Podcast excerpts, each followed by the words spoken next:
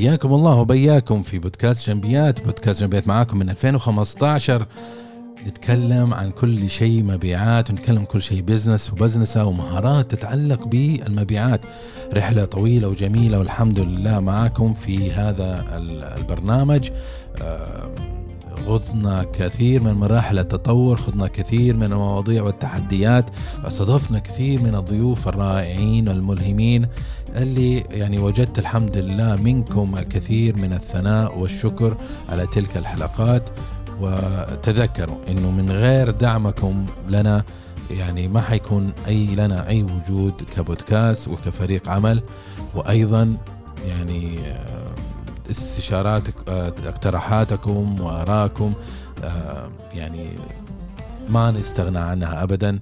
الأسبوع الماضي عرضت ونشرت لكم على البودكاست الحلقة الماضية اللي هي 176 أظن آه، ما أذكر أو 167 هذيك الحلقة عرضت عليكم إنه إحنا آه، أو شاركت معاكم إنه إحنا حنعمل rebranding شوية على البودكاست من ناحية المواضيع نتكلم عنها نحاول نوسع التخصص انه تخصصنا كثير لفترة طويلة على المبيعات فقط لكن ال niche هذا كان جدا جميل وتجربة جميلة الآن بنوسعها شوية يتوجه على البزنس الآن في توجهات كثيرة بالمناسبة المملكة العربيه السعودية فازت بإكسبو 2030 2030 نعم.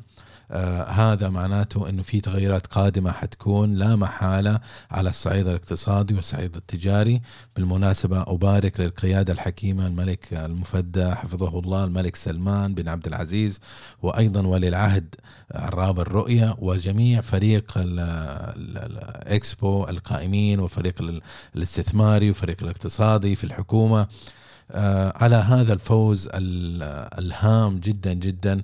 إكسبو بشكل عام هي بوابة يعني لو ننظر لها تعتبر زي أيام زمان سوق عكاظ بحيث إنه منطلق مؤتمر لفترة طويلة آه، يحدث في مكان معين كل خمس سنوات وجميع الناس يتجمعون فيه يستعرضوا التكنولوجيا يستعرضوا الأفكار يستعرضوا آه، الفرص الاقتصادية. وهذا يتماشى يعني صراحة لو نتو... ننظر إلى كيف آه، الفوز هذا جاء. يتوج يتوج من رؤية 2030 بحيث أن 2030 نختم ننظر إلى النتائج. وفي نفس الوقت الإكسبو يحدث وتسهل لنا وتفتح لنا على قول سمو صاحب سمو الملكي الولي عهد محمد بن سلمان إنه ما بعد 2030 20 20 40 20 50 20 60 يقول ما حيتوقف. يعني صراحة كلام ملهم جدا. فمعناته بما إنك أنت يعني في في العمالة التجارية آه، فترقب إنه إذا شفت تغييرات في الرؤية 2030 تمام هذه رؤية أنت عارفها ومتأقلم معها إكسبو حتغير لك السوق قليلا بحيث إنها تفتح فرص جدا مهمة فرص في التوظيف فرص في التوسع فرص في التوريد فرص لوجستية.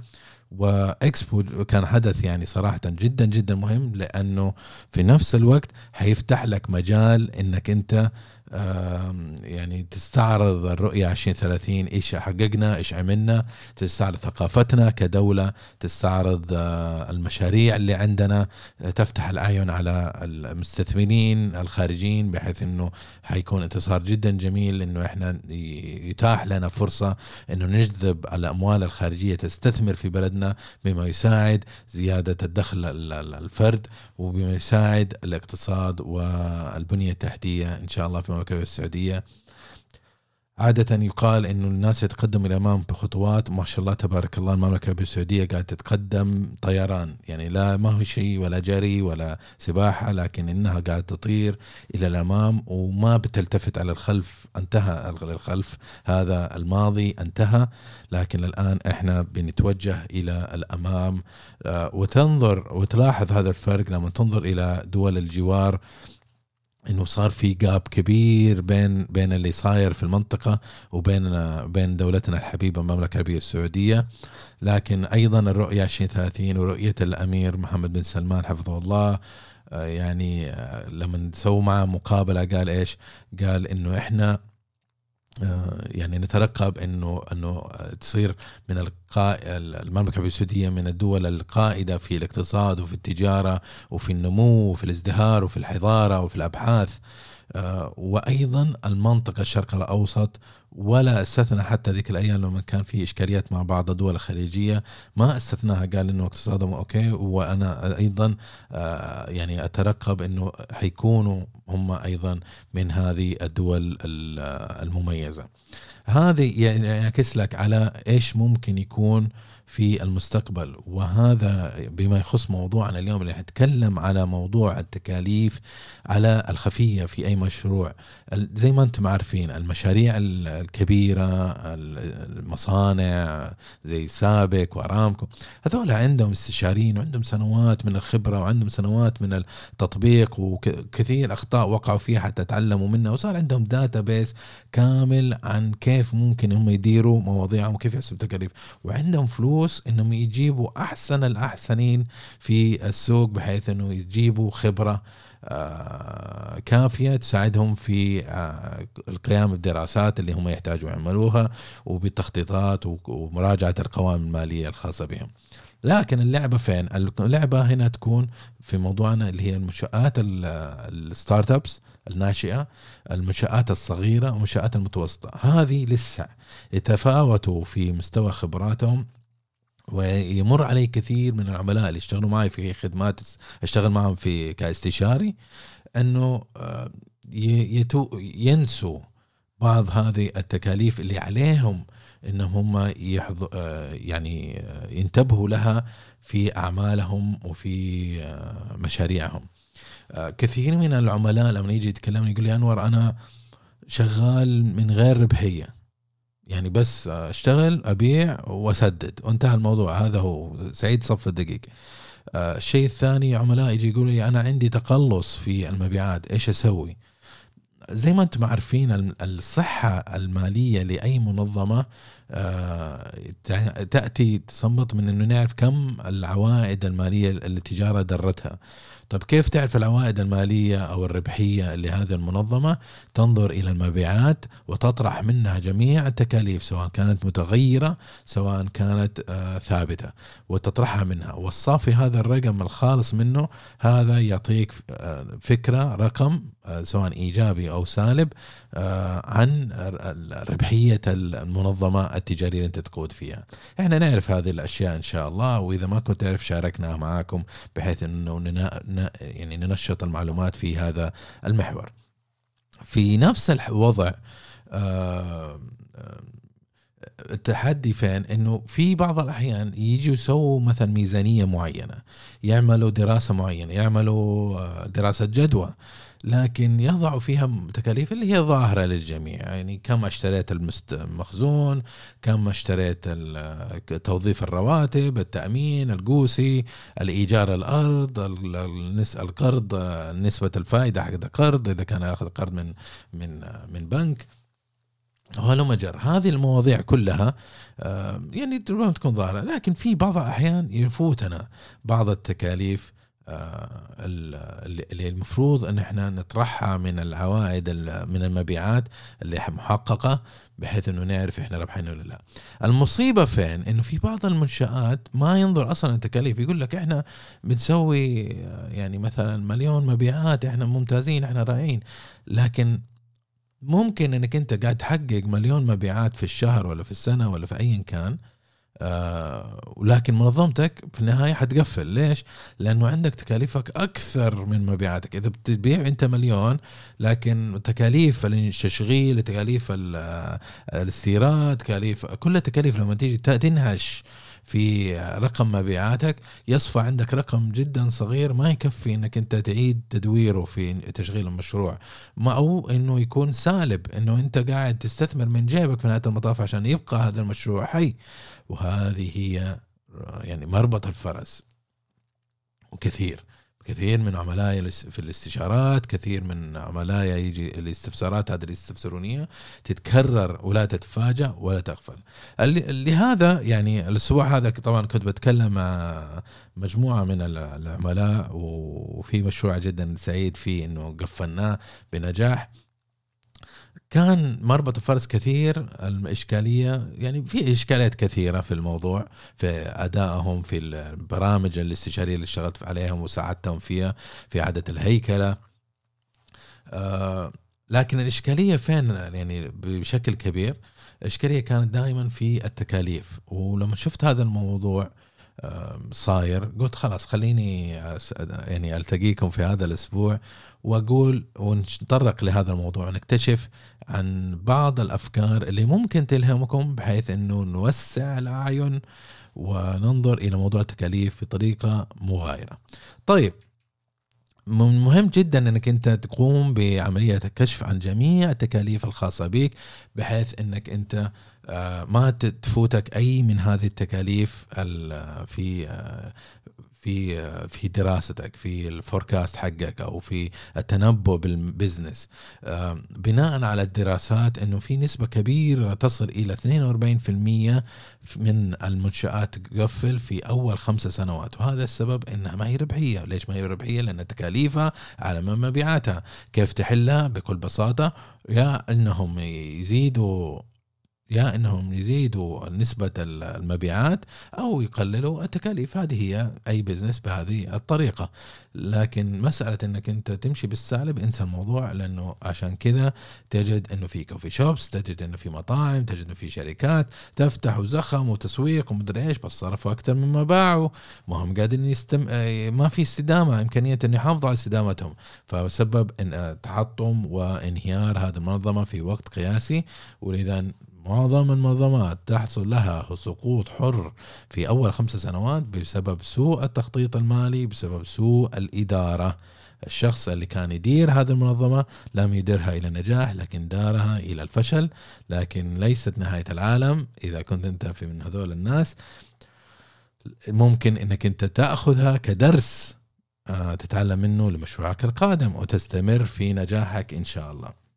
يعني والله يا إخواني أنا يعني مرت علي مشاريع كثير خسرت خسرت فيها آلاف مؤلفه من الكاش آه، في مشاريع كانت ناجحة يعني كانت تمام لكن سواء كانت في أخطاء في التخطيط كانت في أخطاء في عدم الاعتبار أو أخذ بالاعتبار بمخاطر ممكن إنها تصير.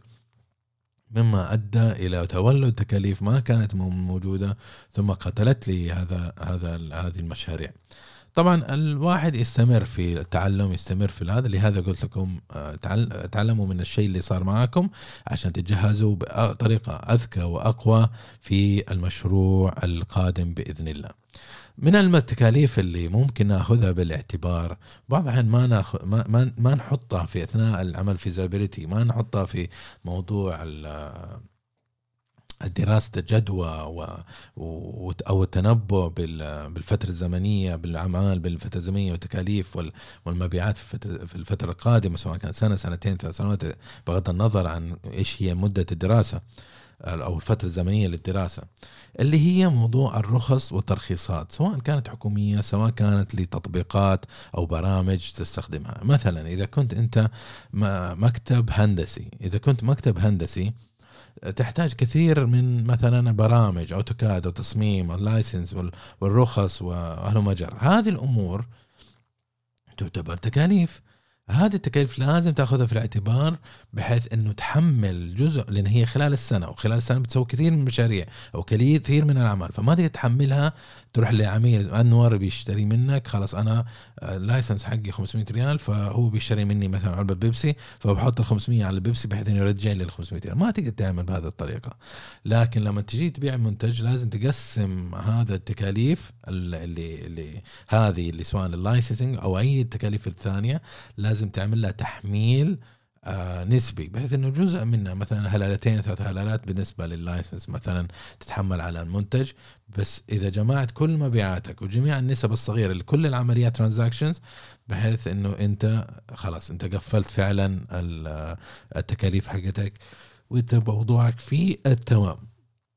من اللايسنسنج برضو اللي هي الرخص الاحترافية مثلا إذا كان آه، إذا كان عملك يحتاج إنك أنت تقوم آه، بحصول على رخص عمل احترافية كاستشاري كمهندس كرخص عمل في في بيئة العمل السعودية هذه الأمور آه، برضو فيها فيها رسوم فلازم إنك تأخذها في الاعتبار.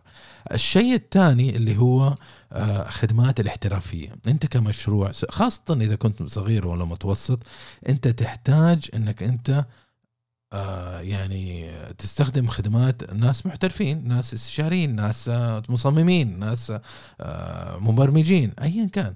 فأنت أو شركات حقهم خدمات نتورك أو خدمات الأمان يركبوا لك أجهزة الأمان.